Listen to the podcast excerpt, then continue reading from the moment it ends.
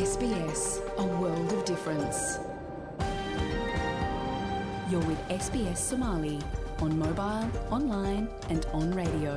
waxaad nagala socotaan s b s soomaali oo aad ka heli kartaan mobil online iyo rediyoga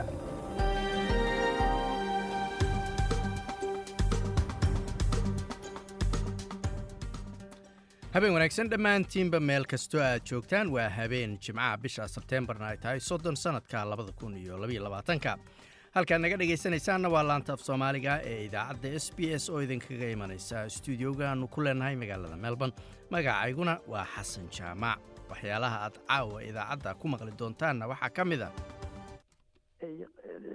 Cuntada iyo waxyaabaha daruuriga joogaan webelba jabaarmay baa la dhihi karaa. Kor buu u kacay arrinkanna waxaa keenay dee shidaalka oo wax lagu soo saaro dalkan iyo maxay aheeday maxay aheeday dagaalkan ukraine saameyn buu kuleeyahay oo siday sheegtay oo keligii ma aha laakiin arrimo badan baa sababay.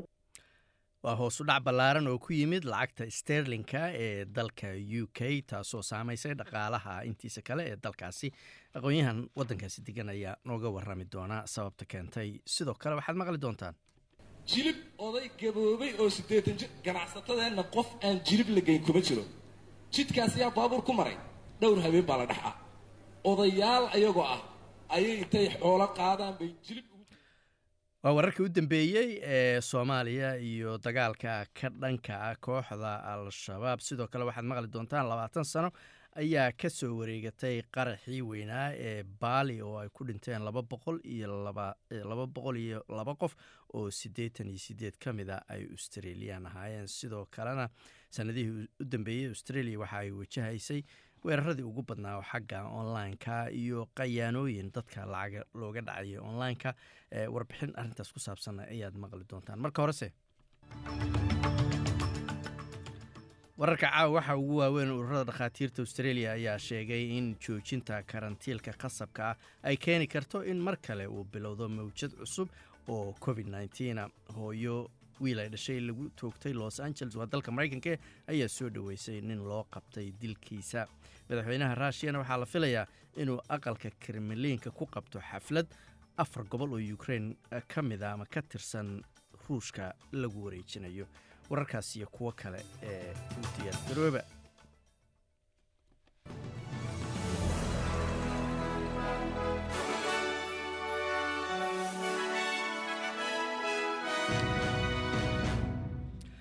waxaanse wararka caawa ku bilaabaynaa warar deg dega taliyaha ciidanka booliska gobolka banaadir iyo ciidamo uu watay ayaa lagu dilay qarax miina oo dhulka loogu aasay iyagoo ku soo socda magaalada muqdisho kana soo socda deegaanka basra ee gobolka shabeellada hoose halkaas oo maalmahan ay ka wadeen howlgallo ka dhana kooxda al-shabaab.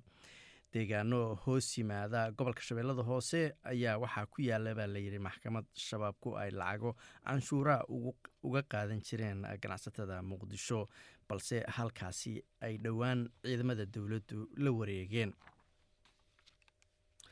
ururka dhakhaatiirta dalkan australia ayaa sheegay in joojinta karantiilka khasabka ah ay keeni karto inuu mar kale bilowdo ama ay bilaabato mawjad cusub oo kale oo covid nneteen madaxa ururkani steve robson ayaa sheegay in waxyaalaha ka socda qaybo ka mida adduunka intiisa kale ay hoosta ka xariiqayso baahida loo qabo in taxadar dheeraada la muujiyo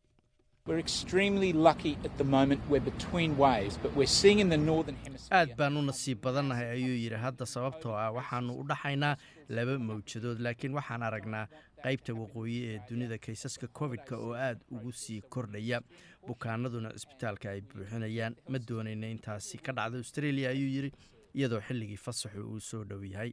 Waa inaannu difaacno nidaamka caafimaadka iyo dadka ka shaqeeya iyo weliba bukaanka ay markaasi u adeegaan ayuu yidhi dhanka kalena rofesor brendan crab oo ka tirsan maxadka baaneed institute ayaa a b c da u sheegay in joojinta karantiilku uu yahay mid caqli aan ku dhisnayn aqoon la'aanna ay keentay Isolation is very important um, adjunct to vaccination um, and to. karantiilku waa mid aad u muhiima ayuu yidhi oo ku xiga tallaalka hawada oo nadiifa iyo in la xirto afdaboolku waa laga maarmaan waana waxa aanu haysanay ayuu yidhi qarash badanna kuma baxo haddii covid nneteen-ku uu yaryahay marka mid ka mid a sababaha qiilka loogu yeelay joojinta karantiilku waa in covidku covid badan uusan markaasi jirin. Hadda marka maxaa sideeda loogu dayn waayey ayuu yidhi maadaama qarash badan uusan ku baxayn dabcanna uu dhimi karo mawjad mawjadaha soo socda ayuu yidhi waa go'aan runtii la yaab leh oo khaldan ayuu yidhi brofesorku halkaad weli nagala socotaan waa laanta af soomaaliga ee idaacadda s b s hooyada nin australiyaana oo toogasho lagu dilay magaalada los angeles ee dalka maraykanka ayaa soo dhoweysay in qof loo soo qabtay wiilka dilka wiilkeeda. Asuma benet oo soddon jir ahaa ayaa maraykanka ka shaqaynayay isagoo qabanayay tababarka ama dadka loo tababaro jimicsiga jirka. Waxaana uu dhintay bishii la soo dhaafay markii dhowr xabadood lagu dhuftay isagoo ku sugan dibadda dukaan hooyadiis victoria milton ayaa s b s news u sheegtay inay kalsooni mar walba ku qabtay ba booliska baarayay dilka wiilkeeda.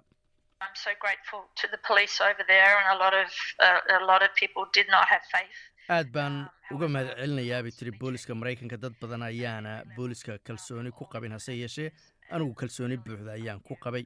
Mar kastana waan la socday runtii halka xaaladdu ay maraysa ayay tiri in booliska dembiyada baaraa ay waqti gasheen siday kayskan u xallin lahaayeenna waa u mahad celinayaa ayay tiri. Madaxweynaha maraykanka aan dhaheen ku celiya halkaasi madaxweynaha ruushka weeye valadimir putin ayaa la filayaa inuu aqalka kremliinka ee dalkaasi loogu taliyo ku qabto xaflad afar gobol oo ukrain ka tirsan ruushku uu ula wareegayo. Madaxweynaha ukran ukrain volodimir zelenski ayaa sheegay inay tahay in putin la joojiyo si looga baaqsado cawaaqib xun oo ka dhasha dagaalka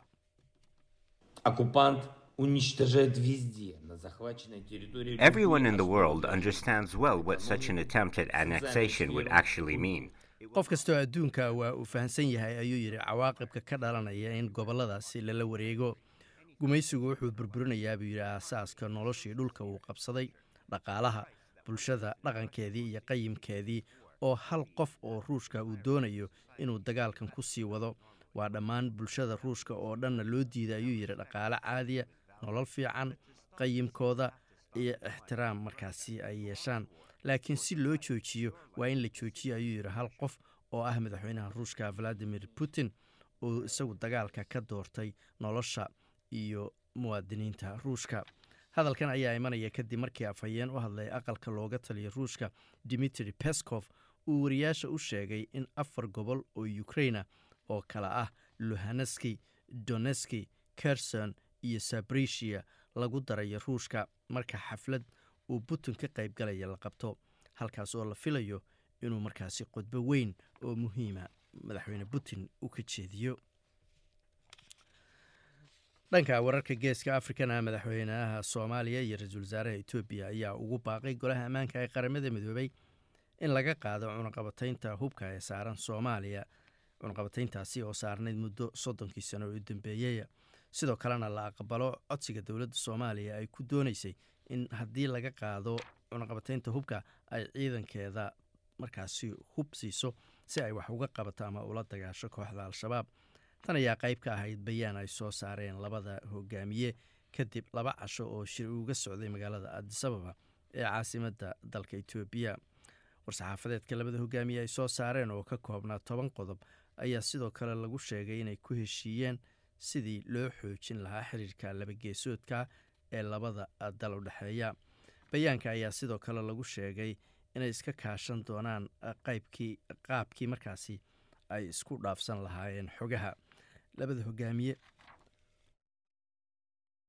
Raalli ahaada labada hogaamiye ayaa sidoo kale bayaanka ku sheegay inay ku faraxsan yihiin ammaanayaana ciidamada xoogga dalka soomaaliya oo markaasi wada howlgal ka dhana kooxda al-shabaab kuwaasoo ka socda gobollada hiiraan iyo markaasi galmudug bayaanka ayaa sidoo kale lagu sheegay inay labada dowladood markaasi dhisi doonaan wasiiro isku dhafa oo ka shaqayn doona danaha labada dal arrimaha kale ee laysku soo qaaday oo ka mid ahaa qodobada ayaa ka mid a arrimaha abaaraha isbeddelka cimilada iyo markaasi sidii labada dal ay isu kaashan lahaayeen. Ugu yaraan sagaal iyo toban qof ayaa dhintay baa la yiri tiro kalena way ku dhaawacmeen qarax ka dhacay caasimada afghanistan ee kaabuul weerarkan ayaa ka dhacay xarun waxbarasho halkaas oo dadku imtixaanadii ay ku geli lahaayeen markaasi meeshaasi laga qaadayey cidna markaasi ma ay sheegeen mas'uuliyadda weerarkaasi wasiiradda arrimaha dibadda dalkan australia penny wongna waxa ay sheegtay in myermar dalka la yidhaahdo laga doonayo inay sii daayaan nin aqoon-yahana oo australiyaana oo hadda saddex sano oo xabsiya lagu xukumay. Rofesor shin tanel ayaa myanmar waxaa lagu xiray muddo sagaal iyo toban bilood ka hora waxaase asbuucan lagu xukumay iyadoo maxkamad qarsoodiya la qabtay saddex sano oo xabsiya. Penny wong ayaa sheegtay in australia aysan aqbalayn go'aanka maxkamadaasi wararka dibaddana b b c world service oo ah warbaahinta ugu weyn dalka u k ayaa ku dhawaaqday inay joojinayso toban luqadood oo idaacaddaasi ka bixi jiray oo ay ku jiraan luqadda jiniiska carabiga hindiga iyo bershiyaanka ugu yaraan ama ku dhowaad afar boqol oo qof ayaa la filayaa inay shaqooyinkooda ku waayaan go'aankaasi. B b c da ayaa qarashkeeda waxa ay ka heshaa laysano ama lacago qarasha oo laga qaado dadka guryaha degan oo telefishinada daawada. Balse lacagtaas sicir bararka ayaa maaragtay kor u kacaysay lacagtii soo gelaysayna waa ay yaraatay.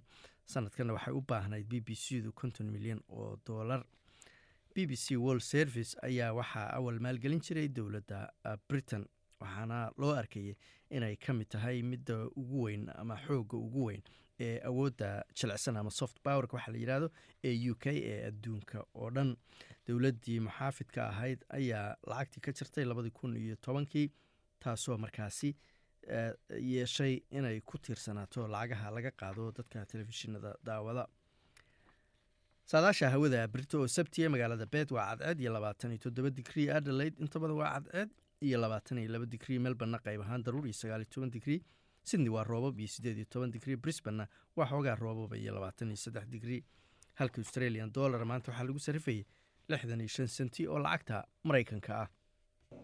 Halkaad qadarkaas xayeysiinta kala socoteen waa laanta af soomaaliga ee idaacadda s b s weli waxaa noo soo socda labaatan guuradii qaraxyadii waaweynaa ee ka dhacay baali oo shacab badan australiyaana ay ku dhinteen. Marka horese sanadihii u dambeeyey gaar ahaan intii lagu jiray faafka covid nneteen-ka waxaa soo badanayay dhaca loo geysto dadka oo markaasi lagu dhaco dhanka online-ka ama iyadoo telefoonno loo soo dirayo. Warbixin gaaban oo ku saabsan sida looga hortegi karo ama laysaga ilaalin karo iyo qaababka kala duwan ee dadka dhanka online-ka loogu khiyaano warbixintii waatan sidee loo gartaa kooxaha internetka dadka ku khayaanaa sideese loo difaaci karaa xogta qofeed inaan la xadin?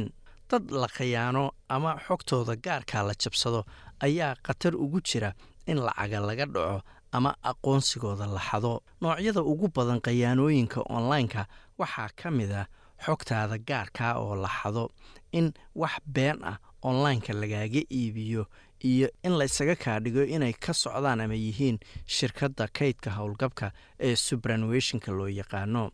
Marka halkan waxaan idinku soo gudbinaynaa sidaad u garan lahayd isuna difaaci lahayd. Sannadihii u dambeeyey australia ayaa wajahday weeraradii ugu badnaa ee xagga online-ka iyo khayaanooyinka dadka lagu dhaco online-ka ama telefoon loo soo diro iyadoo weerarada waaweyn ee online-ka lagu beegsado dowladda ama shirkadaha waaweyn ee kaydiya. Xogaha ay macaamiishoodu leeyihiin kuwa jabsada kombyuutarada ayaa sidoo kale dad iyo bulshooyin nugul ka faa'iidaysta iyagoo xadaya xogtooda gaarkaa xogta gaarkaa ee qofku waa wax qiimo leh ayuu yidhi ama qiimo badan ku fadhiya sida uu s b s news u sheegay rob dibiatrow oo ka tirsan p w c security. Wuxuu ka digayaa in burcadda internetku ay doonayaan inay macluumaadka dadka ka faa'iidaan maadaama xogta dadku suuqa madow lagu kala iibsan karo. Dalia richard oo ka tirsan australian competition and consumer commission oo ah hay'adda dowladda ee ilaalisa xuquuqda macaamiisha iyo tartanka furan ee ganacsiga ayaa sheegay in qof walba looga baahan yahay inay ku baraarugsanaadaan khayaanada online-ka ayna qaadaan tallaabooyin ay ku yaraynayaan in xogtooda la jabsado. Dembiilayaasha internetku mar walba waxay raadinayaan macluumaad ballaaran taasoo nasiib darra macnaheedu yahay in cid walba oo haysa xogta dad badan ay khatar ku jiraan maadaama taasi qayb ay ka tahay nolosha casriga oo shirkado badani ay hayaan xogteenna ayuu yidhi. Intii lagu jiray faafkii covid nneteen-ka waxaa aad u kordhay khayaanooyinka online-ka hay'adda la yidhaahdo scamwatch oo iyadu la socota ama dusha kala socota khayaanooyinka internetka ayaa heshay boqolaal warbixinno ama khayaanooyin la xiriira coronavirus oo lagu dhacay lacaga gaaraya sagaal dhibic sideed milyan oo dollar wixii ka dambeeyey markuu faafku bilowday. Dor steve humbleton wuxuu ka tirsan yahay australian digital health agency hay'ad la yidhaahdo wuxuu sheegay inay jiraan khayaanooyin badan oo la xiriira xogta caafimaadka dadka australia. Waxay doonayaan ayuu yidhi macluumaad ay qofka ku gartaan. Waxay doonayaan xogta caafimaad. Dabcanna taasi waxay siinaysaa awood ay ku xadaan haybta ama aqoonsigaaga. Waxay doonayaan macluumaad ay qofka ku gartaan. Waxay doonayaan xogta caafimaad. Dabcanna taasi waxay siinaysaa awood ay ku xadaan haybtaada oo dhan ama aqoonsigaaga xogta caafimaad ee qofku waa badeeco qiimo badan lagu kala gato suuqa madow ee online-ka. Markii qofku lumiyo macluumaadkan way adag tahay inuu dib u helo sida uu sheegayo dor humbleton khayaanooyinka waxaa ka mid ah nooca loo yaqaan fishinka oo ah qaab ay dembiilayaashu qofka ku khaldaan inuu isagu siiyo xogta u gaarka ah sida waxa aad ku gasho ama lambarada usernameka aad bangigaaga ku gasho ama lambarada credit kaarkaaga dor humbleton ayaa sheegay inay dhici karto in tuugadan ay ku soo wacaan ama kaala soo xiriiraan baraha bulshada ama ay fariin telefoon ama mid emaila kuu soo diraan. Wuxuuna kula talinayaa dadka inay si fiican uga fiirsadaan ka hor inta aysan furin linki ka mid a ama ku jira email ama fariin telefoon oo laguu soo diray oo aadan aqoon cidda kuu soo dirtay ama adigu codsan. Waxaan dhammaanteen helnaa ayuu leeyahay imailona leh baakadii ama shixnadii waanu kuu keeni weynay ee fadlan riix linkigan. Haddii aadan markaa sugayn baakad ama shixnad ha taaban linkigaas ama ha furin ayuu leeyahay waxaanu helnaa wax ka yimid kooxa sheeganaya inay yihiin shirkado waaweyn oo astaantii shirkadaasi leh sida amazon ama kuwo kale oo onlineka ama internetka wax ku iibiya oo ku weydiisanaya ama kaa codsanaya xogtaada ama macluumaadkaaga. Dor hamilton ayaa kula talinaya dadku inay dib ugu noqdaan meeshii markii hore ay wax ka iibsadeen inta ay riixi lahaayeen linkii aysan hubin cidda iskale tuugada online-ka ayaa sidoo kale waxay samaysteen dukaamo online oo been abuur ah oo ay ku jiraan kuwa leh waxaanu daaweyneynaa covid nneteen-ka ama tallaalkiisa ayaanu ku haynaa ama badeeco kale sida afdaboolka oo kale ama maaskiga. Tuugada online-ka ayaa sidoo kale iska dhiga inay ka socdaan hay'ad dowladeed iyagoo kuu soo diraya email ama fariin telefoon raadinayana sidoo kale macluumaadkaaga waxaana la socda imailada ama fariimaha telefoonka linkiyo ama lifaaqyo khayaano ah oo looga dan leeyahay in lagu xado xogta gaarka ee qofka macluumaadkiisa dhaqaale sida uu sheegayo dor humbleton tusaale ahaan fariin telefoon oo u eg inay ka timid my gof accounti oo wadata linki khayaano ah. Ha riixin oo ha furin linkigaas sababtoo ah my gof sidaas dadka ulama soo xiriiraan ee si toosa u aad website-kooda haddii aad danka leedahay.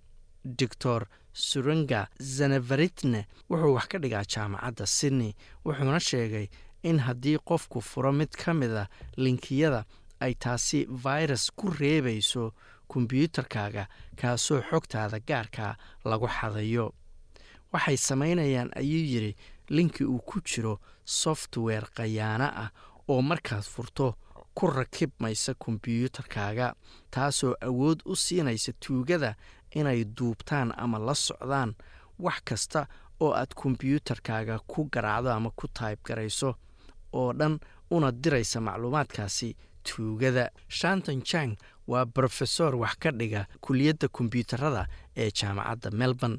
Wuxuu sheegay in tuugadan online-ka ay inta badan raadinayaan xogta gaarka ee dadka. Haddii ay helaan ayuu yidhi magacaaga meesha aad degan tahay ama adareyskaaga markaad dhalatay iyo telefoon nambarkaaga waxay tegi karaan bangi ama hay'ad kaloo maaliyadeed iyagoo adiga iska kaa dhigaya. Wuxuu sheegay in xogta shakhsiga lagu iibin karo suuqyada madow ee internetka taasoo sababi karta in aqoonsigaaga ama gebi ahaanba haybtaada la xado oo la iska kaa dhigo markaasi. Xogtaada shakhsigu waa mid lacag badan ka joogta ayuu yidhi online-ka. Dor hamilton ayaa sheegay inay lagama maarmaan tahay in dadka la qayaanay ay soo sheegaan una sheegaan ama la socodsiiyaan howlwadeennada dowladda waxaa jiray ayuu yidhi kumanaan qayaanooyin online-ka oo la soo wariyey ama la soo sheegay waxaana jira dad runtii lacag laga dhacay oo ay ceeb la noqotay inay dowladda ama cid kale u sheegaan waxa dhacay. Marka waxaan qabaa ayuu yidhi in haddii lagu khiyaanay aan aad cid uun u sheegto. Waxaad khiyaanada u sheegi kartaa ayuu yidhi a tribal c ga adoo buuxinaya foom aad ka helayso website-ka scam watch halkaad warbixintaas kala socoteen waa laanta af soomaaliga ee s b s ta haddii warbixintaas iyo warbixino kale ay ku dhaafeen waxaad ka daalacan kartaa website-kayga w w s b s com au xariijin soomaali. Dalka u lacagta poundka ama sterlinka loo yaqaano ayaa hoos u dhac ballaaran ku yimid iyadoo markaasi ay noqotay in bangiga dhexe ee dalkaasi uu markaasi soo dhexgalo si uu u joojiyo dhibaatooyin ballaaran oo dhaqaalaha saameyn lahayd. Sidoo kale i m f ta ayaa sheegtay in dowladda u k looga baahan yahay inay ka noqoto go'aamo ay canshuurta uga yaraysay dadka qaar. Maxamed xasan dable waa aqoon-yahan degan magaalada lester ee dalka u k bal waxaan weydiiyey dhaqaale xumidan iyo dhibaatadan soo wajahda u k waxaanu ku bilaabay sidan.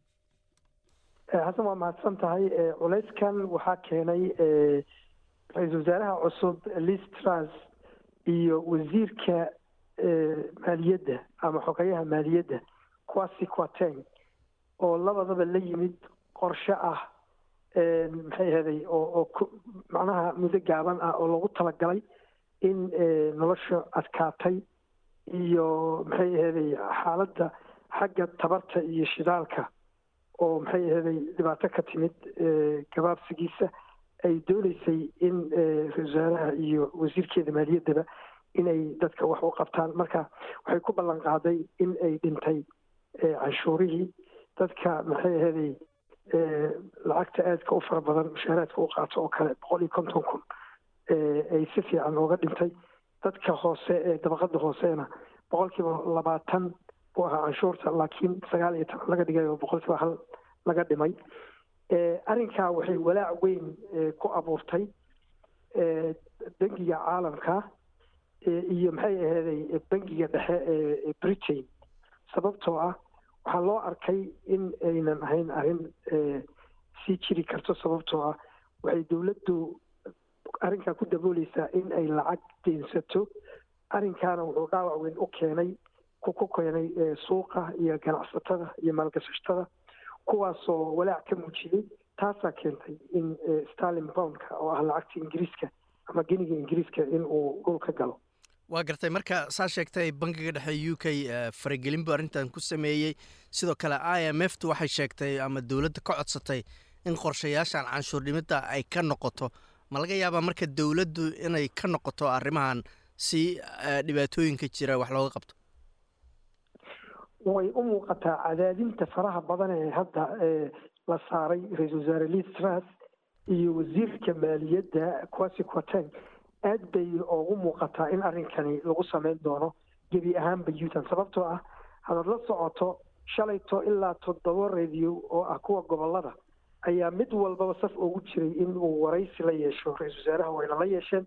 Runtii ra'isul wasaaraha hadalla xataa iyo jawaabo way u weysay su'aalihii arrinkaa waxay keentay dad badan oo dooda kala soo qayb galay oo dadweynaha ah in ay ku dhaliileen oo yidhahdeen xaggee jirtay markii bangiga caalamka iyo qolyaha i m f ta iyo maxay ahayd central bankiga england ay arrinkan soo faragashteen ay kugu diidanayeen iyaduna waxay ku dooda arrinkan ukraine baa sabab u ah valadimir putin baa keenay. Markaas waxaa yidhahda in uu qorshe qaato bangiga u k ma valadimir putin baa keenay baa lagu yiri marka waxay ku hadashay garan weysay haddii aan waxyar ku faahfaahiyana de xisbiga lebor boqolkiiba konton iyo afar ayuu marayaa yacni cod aruurin la sameeyey.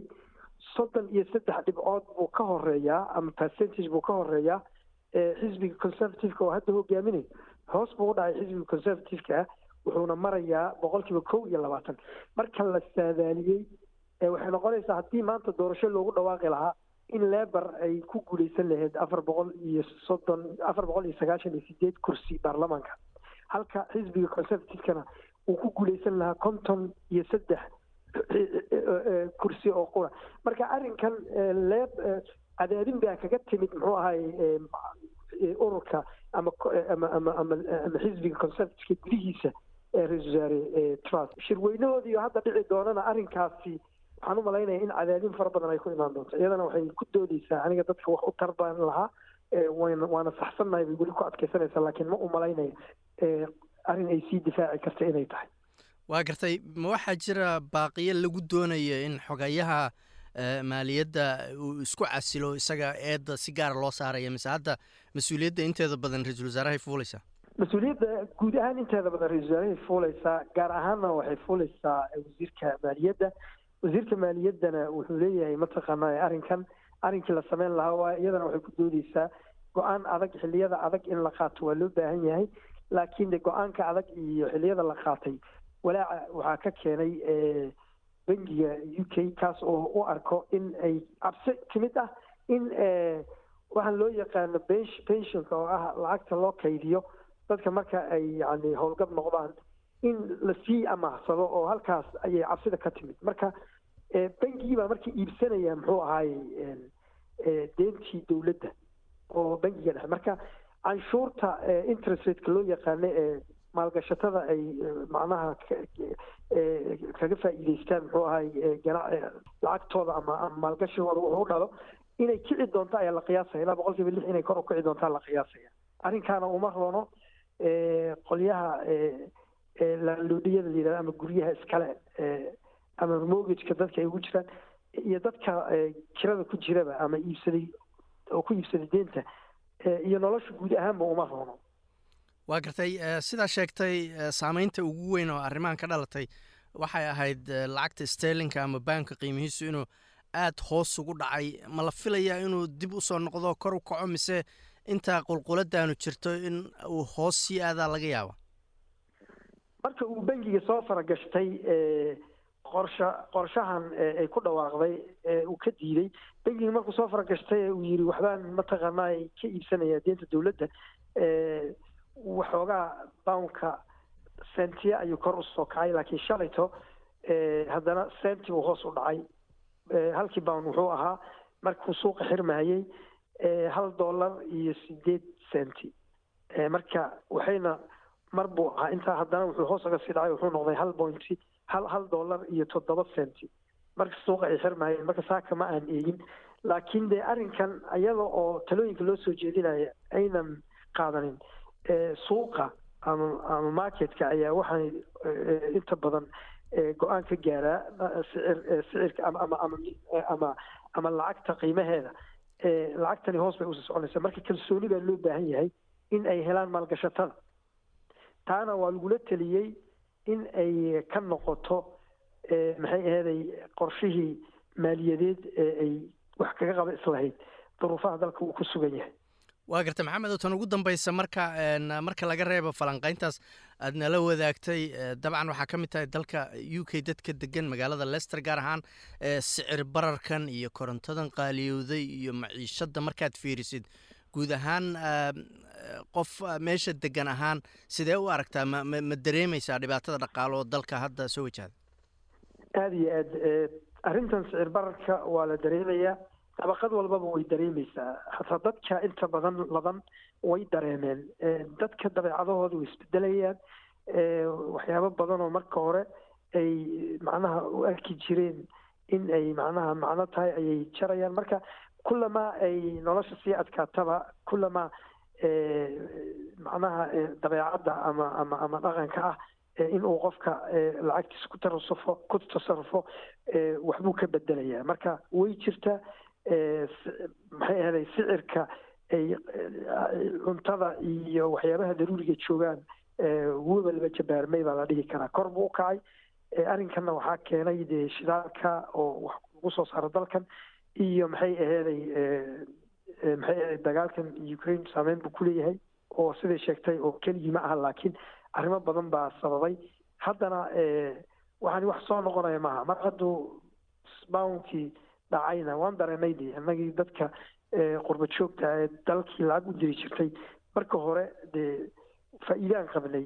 Dollarka markaan ku dirayno bounka markaan dollar ku bedelayno hadda laakiin wixii baa isla ekaaday. Marka waa dareemaysaa kaasina wuxuu ahaa maxamed xasan dable oo ah aqoonyaha degan magaalada lester ee dalka u k oo iga waramayay dhaqaale xumo soo wajahday dalka u k gaar ahaan lacagta sterlinka ama poundka la yiraahdo oo hoos dhac ballaaran uu ku yimid.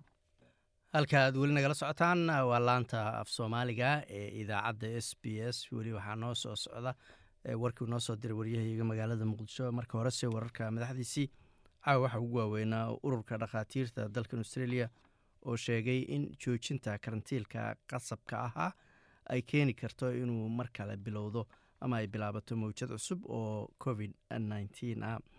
Hooyada nin australiana oo toogasho lagu dilay magaalada los angeles ee dalka mareykanka ayaa soo dhoweysay in qof loo soo qabtay dilkii wiilkeeda. Madaxweynaha ruushka valadimir putinna waxaa la filayaa dhowaan inuu aqalka kremlinka ku qabto xaflad lagula wareegayo afar gobol oo ukrain oo markaasi lagu darayo ruushka. Wararkii soomaaliyana taliyaha ciidanka ama taliyihii ciidanka booliska gobolka banaadir farxaan maxamuud qaroole iyo askar la socotay ayaa markaasi ku dhintay kadib markii qarax miino ah oo dhulka looga aasay lagu beegsaday iyagoo ku soo socda magaalada muqdisho kana soo socda deegaanka basra ee gobolka shabeellada hoose weli waxaad nagala socotaan waa laanta af soomaaliga ee idaacadda s b s bishan oktoobar ee dhowaan bilaabanaysa. Labiyo tobankeedii labadii kun iyo labadii ayaa qaraxyo waaweyn oo ka dhacay baali oo ah goob ay u dalxiis tagaan dad badan oo australiyaana kana mid a dalka indonesiya waxaa markaasi ku geeriyooday qaraxyadaasi laba boqol iyo laba qof iyadoo siddeetan iyo siddeed ka mid a ay ahaayeen dad australiyaana haddaba labaatan sano ayaa ka soo wareegatay warbixinaan ka diyaarinay arrintaasna. Waatan. Labaatan sano ayaa laga joogaa qaraxyadii baali oo ay ku dhinteen laba boqol iyo laba qof oo siddeetan iyo siddeed ka mid a ay ahaayeen australiyaan dhacdadan ayaa noqonaysa khasaarihii nafeed ee ugu ballaarnaa oo ka soo gaara dad australiyaana hal weerar oo argagixiso. Wax yar kadib kow iyo tobankii habeennimo labiyo tobankii bishii oktoobar labada kun iyo labadii saddex bambaano ayaa lagu qarxiyey baali tan ugu horreysay waxay ahayd qof ismiidaamiyey oo ku dhex qarxay makhaayadda khamriga lagu cabe ee bari ee kuuta oo ku taalla xeebta. Labaatan ilbiriqsi kadibna qof kale oo ismiidaamiyey ayaa isku qarxiyey isagoo gaari wata dibadda kalaabka la yidhaahdo saari. Kadibna mid yar oo meel ka baxsan qaraxa laga soo maamulay ama laga hagayey ayaa lagu qarxiyey dibadda qunsuliyadda maraykanka ee dambasaar. Laba boqol iyo laba qof oo u kala dhashay labaatan iyo saddex dal ayaa ku dhintay qaraxyadan waxaana ku dhaawacmay laba boqol iyo sagaal kale. Siddeetan iyo siddeedda qof ee australiyaanka ee baali ku dhintay waxaa ka mid ahaa laba gabdhood oo mataanaa oo soddon iyo sagaal jir ahaa. Jenny iyo jane koorteen oo w a deganaa hooyadood juun koorteen ayaa sheegtay in markii loo xaqiijiyey geerida gabdhaheeda ay dareentay wax aysan weligeed hore dareemin.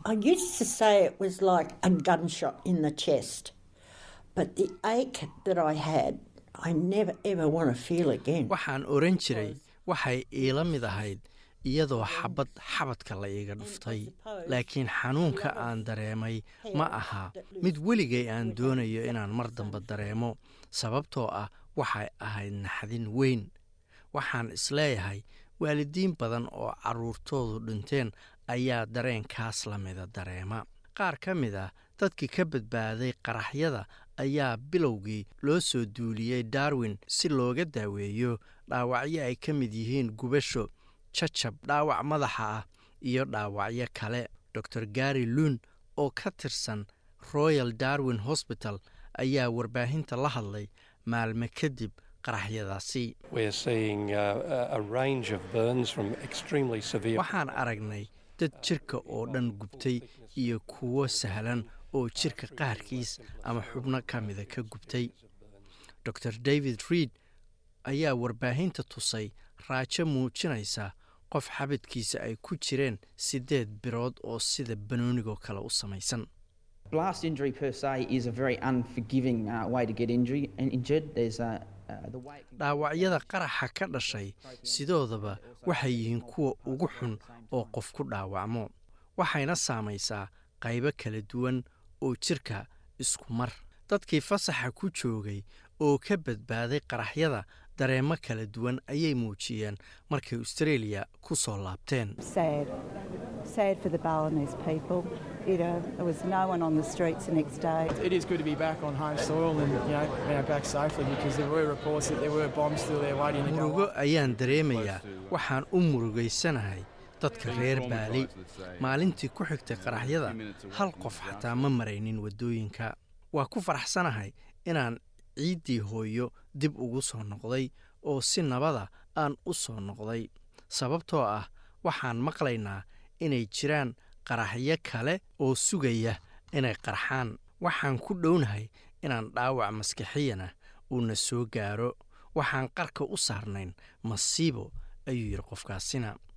Si taas la mid ah yaan lesiniski australia ayuu u soo duulay habeenka qaraxyada halka saaxiibadiis ay ku caweynayeen kalaabka saari Everyone that was in front or the side or the middle of the club, they're all gone. And I was sending some text messages like, yeah, okay, yeah, okay. qof kasta oo joogay ama ku sugnaa qaybta hore ee kalaabka ama qaybta dambe ama kuwa dhex jiray waa ay ku daayeen ayuu yidhi. Fariimo ayaan u diray oo aan ku leeyahay war sidee tihiin? Ma fiican tihiin? Wax jawaab ahse la iima soo celin waxaan rajaynayay inay ka badbaadeen oo ay cisbitaalka ku jiraan laakiin waan ogaaday inay dhinteen oo markaasi ay ku daayeen candis bujan waalidkeed ayay ku weyday qaraxyada I remember when the bomb went off like it was yesterday. I sometimes wonder why I got out of the club that night and why I wasn't left there. waxaan u xasuustaa markuu qaraxu dhacay sidii inay shalay ahayd oo kale. Mararka qaarkood waxaan isweydiiyaa sababta aan uga baxay kalaabka habeenkaas. Maxaan halkaas u joogi waayey? Waxaan is idhaahdaa mararka qaar haddii aabbahay ama hooyaday weli ii joogi lahaayeen. Ma iiga fududaan lahayd haddii waalidkay midkood ii hari lahaa. Ma garan karo sida ay wax noqon lahaayeen ayay tiri. Kooxda alqaa'ida xiriirka la leh ee jamaaca islaamiya ayaa lagu helay inay ka dambeeyeen qaraxyada. Brofesor arrimaha islaamka ku takhasusay kana tirsan jaamacadda deacon greg barton ayaa sheegay in kooxda qaraxyada ka dambaysay ay u doorteen inay beegsadaan kalaabyada habeenkii lagu caweeyo ay ahayd inay u arkayeen mid ay ku saxansan yihiin beegsigooda. They were looking for foreigners involved in going to a nightclub, which you know they could then frame as being sinful and decadent. Uh, that was the. the purpose waxay raadinayeen ajaaniib kalaabyada lagu victims tagta. uh, kalaabyadaas oo ay u arkaan kuwa dembiyo iyo xumaani ka socoto waa caqliyadda qalloocan ee ka dambaysay sida ay ku xusheen cidda uh, ay venue of, beegsanayaan dabcan dadka ku waxyeeloobay intooda badan waxay ahaayeen induneesiyaan mana aha oo keliya baali dadka deggan ee hinduuga ah ee waxaa ku jiray muslimiin ka yimid jasiiradda java iyo qaybo kale oo waddanka ah. Marka wuxuu ahaa weerar fulaynimo ah oo aan loo meeldayin laakiin waxay isleeyihiin waxaad beegsanaysaan goob ajaaniibeed. Bishii noofembar labadii kun iyo siddeeddii saddex nin ayaa loo toogtay qaybtii ay ka qaateen qaraxyadaasi. Qaar kalena xabsiga ayaa lagu xukumay ama waxaaba toogtay oo dilay askarta induneisiya qaraxyadii labadii kun iyo labadii oo dhacay sannad uun kadib weerarkii argagixiso ee sebtembar leben ee maraykanka lagu qaaday ayaa keenay argagixisada iridda hore ee austareeliya iyadoo ay ku dhinteen siddeetan iyo siddeed qof oo australiyaana ayay sidaas ku noqotay dhacdadii ay dadka ugu badnaayeen oo australiyaana ku dhintaan hal dhacdo oo argagixiso ah. Wasiiraddii hore ee socdaalka australia amanda vanstone ayaa madxafka qaranka australia u sheegtay in qaraxyadii baali ay noqonayaan kuwo taariikhda australia gala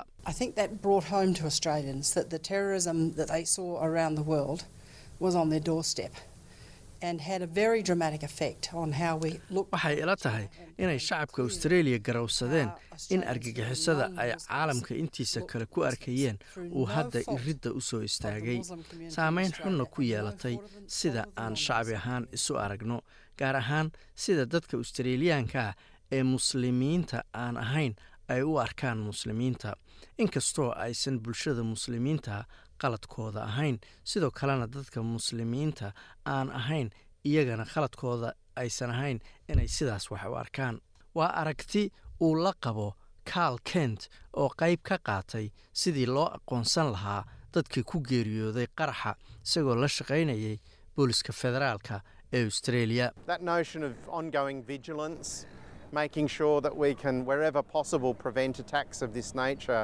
waxaa dhashay fikrad ah in mar kasta la feejignaado in la hubiyo in weerar noocaan oo kalea laga hortago waxay noqotay mid dadka maskaxdooda ku dhigantay weerarkii baali awgiis waxaana jiray kaysas badan oo dalka oo dhan ah oo weeraro noocaasoo kalea looga hortegay dadaalka ay booliska iyo sirdoonka dalku maalin kasta hayaan awgeed. Sidaas darteedna waxaan uga mahadcelinaynaa arrintaas ayuu yidhi. Paul vani waa madaxa kuuji dolphins rugby league club oo sydney ku yaalla lix ka mida kalaabkaas ayaa ka mid ahaa siddeetan iyo siddeeddii qof ee ku dhimatay qaraxyadaasi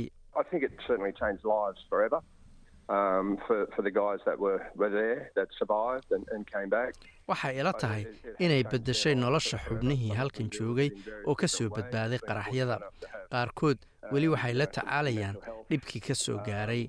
Waxaana nasiib ku lahayn inaannu helay ama nala siiyey talooyin iyo taageero dhanka xanuunka maskaxda ah oo kalaabkeenna la siiyey. Aadna u fiicnaa waan ka faa'iidnay wayna na caawisay ayuu yidhi. Miss vani ayaa sheegay in dadkii wakhtigooda u hebeeyey ay lacaga u aruuriyeen urur samafal ah shaqadii ay qabteenna ay aad u caawisay in lala tacaalo dhibka naga soo gaaray lixdaas kamida ka mid ahaa kalaabka oo geeriyootay.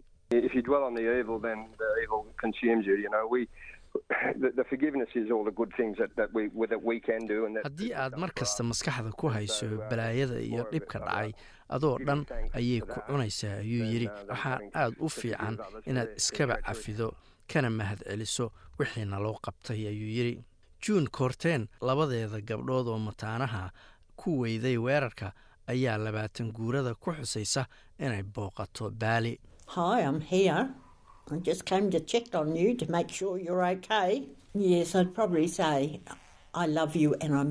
Waa ikan ayaan ku leeyahay gabdhahaygii. Waxaan u imid inaan hubiyo inaad fiican tihiin. haa waxaan sidoo kale leeyahay waan idin jecelahay waana inii xiisay ayay tiri. Halkaad warbixintaas kala socoteenna waa laanta af soomaaliga ee idaacadda s b s.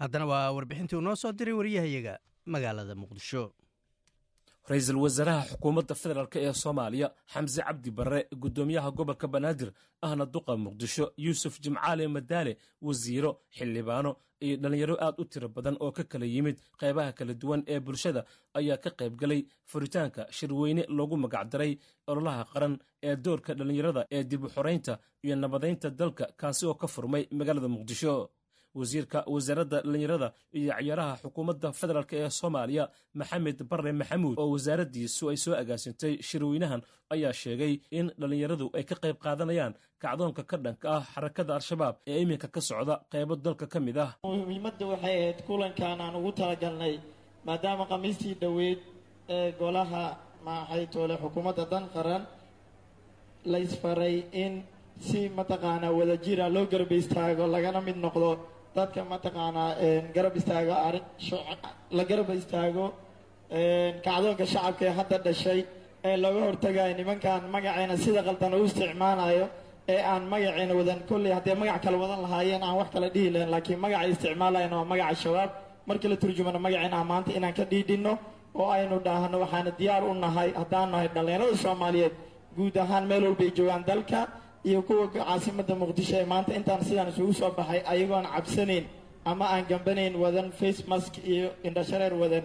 Inay dhahaan waxaan diyaar u nahay maanta inaan ka qayb noqonno doorka dhallinyarada dib u iyo nabadeynta dalka. Waxaan diyaar u nahay annaga ka wasaarad ahaan wasaaradda dhallinyarada sboortiska mudane ra'isul wasaare meel waliba oo nimankaas cadowga ay joogaan inaan furimaha kula dagaalno oo aan nafteena u hurno oo aan ka tagno xafiisyadeena oo aan garab istaagno shacabka kacdoonka shacabka ee ka bilowday walaalahayna ee hiiraan ee haddana mataqaanaa ku fidayo guud ahaan soomaaliya. Annaguna kaalinteena iyo karaankeena ka qaadanaynaa. Keliya ma ahan in maxay toole qoray looga hortago. Haddii la dhaho dhallinyaro dadka ugu fictamsan ama u dhibaatada mudan waa annaga. Waxaan diyaar u nahay laga bilaabo maanta inaan si buuxdo annagan qayb oga noqonno nimankaas meel walbaan kula dagaalno furimaha aan tagno. Waxaan rajaynaynaa insha allah kulankan maanta hadda waa inoo daafur keliya. Hadduu ilaaha yidhaahdo guud ahaan gobollada soomaaliya oo meel gobol kasto iyo degmo iyo tuulo kasto waa geen doonaa insha allah sidoo kale waxaa goobta ka hadlay guddoomiyaha gobolka banaadir ahna duqa muqdisho yuusuf jimcaale madaale waxaana uu goobta ka sheegay. Dhallinyarada waxaa la idhaahdaa waa cumuudu fakriya waa udubdhexaadkii ama xooggii maaragtay ummada xooggeedii waaye dhallinyaradu dhallinyaradu magaca ay wataan nimankaas odayaasha ah waa magaciinay wataanoo shabaab markaad tidhaahdo waa kelmad carabi ah waa dhallinyaradii ayay wataan magaciinay wataan. Waxa dadka lagu daayo lagu halligaayo lagu qarxinaayo lagu baabi'inaayo haweenkii iyo ilmihii dadka beeralaydii lagu soo barakicinaayo oo masaakiinta lagu waxyeelaynaayo waa magacii dhallinyarada waaye marka ma u dul qaadanaynaa in magacayna saas loo baabi'iyo? Yeeli mayno. Maxaa yeelay wasiirku waa dhallinyaro. Ra'iisul wasaaruhu waa dhallinyaro. Anigu dhallinyaraan nahay. Maaragtay marka dhallinyaraan nahay marka dhallinyaradaana waa inaan difaacannaa jiritaankayna saad la wada socotiinba mushkilada taagan shacabku iskama kicin. Shan sano ayaa dadkaani lagu dulhaayay aan xaggooda maalinna loo dhaqaaqin shabaabka xaggiisa aan la aadin in dib in la xoreeyo amba layska dhiciyo.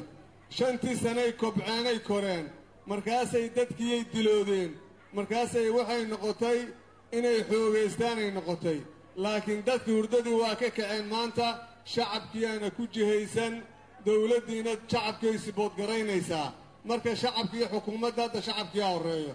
Marka fursad waayo fursaddaas waxaan leennahay yaan la dayicine.